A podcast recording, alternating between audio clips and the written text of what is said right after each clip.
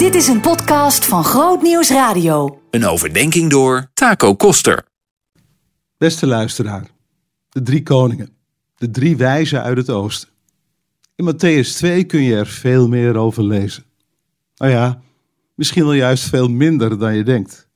Het getal drie wordt niet genoemd door Matthäus. En hij spreekt helemaal niet over koningen of wijzen. Hij gebruikt het woord magiërs. Dat is wel een dingetje. Je kunt bij dat woord denken aan mensen die zich bezighouden met een mix van wetenschap, astrologie en toverij. Het is allemaal niet met een schaartje te knippen, maar zo ergens liepen deze zaken door elkaar heen. In die tijd overigens volstrekt gebruikelijk. En begrijp me goed, dit waren slimme jongens. Op het gebied van sterrenkunde had men echt al heel veel kennis vergaard. Deze kennis werd vervolgens gekoppeld aan astrologie. De sterren voorspellen wat er in jouw leven en in deze wereld gaat gebeuren. En blijkbaar hebben deze mannen een bijzondere ster gezien. En op grond van dit bijzondere verschijnsel zijn ze op reis gegaan. En niet zomaar een reis. Een reis van duizenden kilometers. Het zou namelijk heel goed kunnen dat deze mannen uit Babylon, het huidige Irak, of Perzië, het huidige Iran zijn gekomen. Je vraagt je trouwens af wat ze dan gezien hebben in de sterren.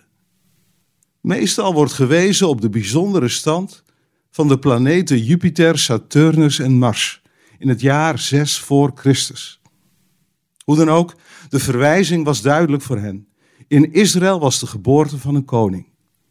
In ieder geval was dat de conclusie die deze magiërs trokken. Dat is wel een opvallend moment. Waarom? In de Bijbel zelf lezen we dat God mensen verbiedt om zich te laten leiden door de stand van de sterren en door de woorden van waarzeggers. Het zijn doodlopende wegen. Maar nu merk je dat God er niet voor terugdeinst om mensen in hun eigen situatie en denken aan te spreken. Ik vind dat verrassend. God laat op zoveel plekken iets van zichzelf zien.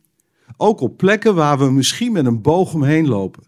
God is groter en verrassender dan we denken. En dat maakt me hoopvol. Dan kan God ook de taal spreken van wetenschappers die hem volledig weggeredeneerd hebben. Of dan kan God iemand aanraken die zijn heil zoekt op een paranormale beurs. Of dan kan God zich in een droom laten zien aan een moslim. Het zijn bijzondere verhalen die vandaag de dag nog steeds actueel zijn.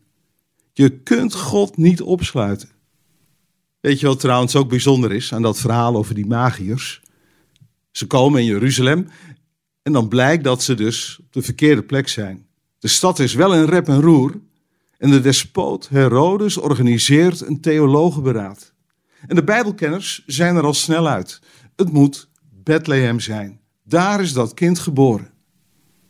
Ik leer daarvan dat het licht van de Bijbel het licht van die ster verduidelijkt. Maar wat zie je vervolgens gebeuren? Helemaal niets. Al die Bijbelkenners blijven zitten waar ze zitten. Alleen de magiërs hebben het lef om naar Bethlehem op reis te gaan. Soms is dat mijn gevoel bij de kerk en bij mijn eigen leven. Waar zet ik de volgende stap? Of blijf ik zitten? Waar zet ik de stap om een ander te vergeven? Waar zet ik de stap om een ander te dienen? Waar zet ik de stap om te bouwen aan relaties? Waar zet ik de stap om te streven naar gerechtigheid? Waar zet ik de stap om te bidden en te zegenen? Vraag om mee te nemen op deze dag. Durf ik in beweging te komen en te doen wat God zegt in de Bijbel?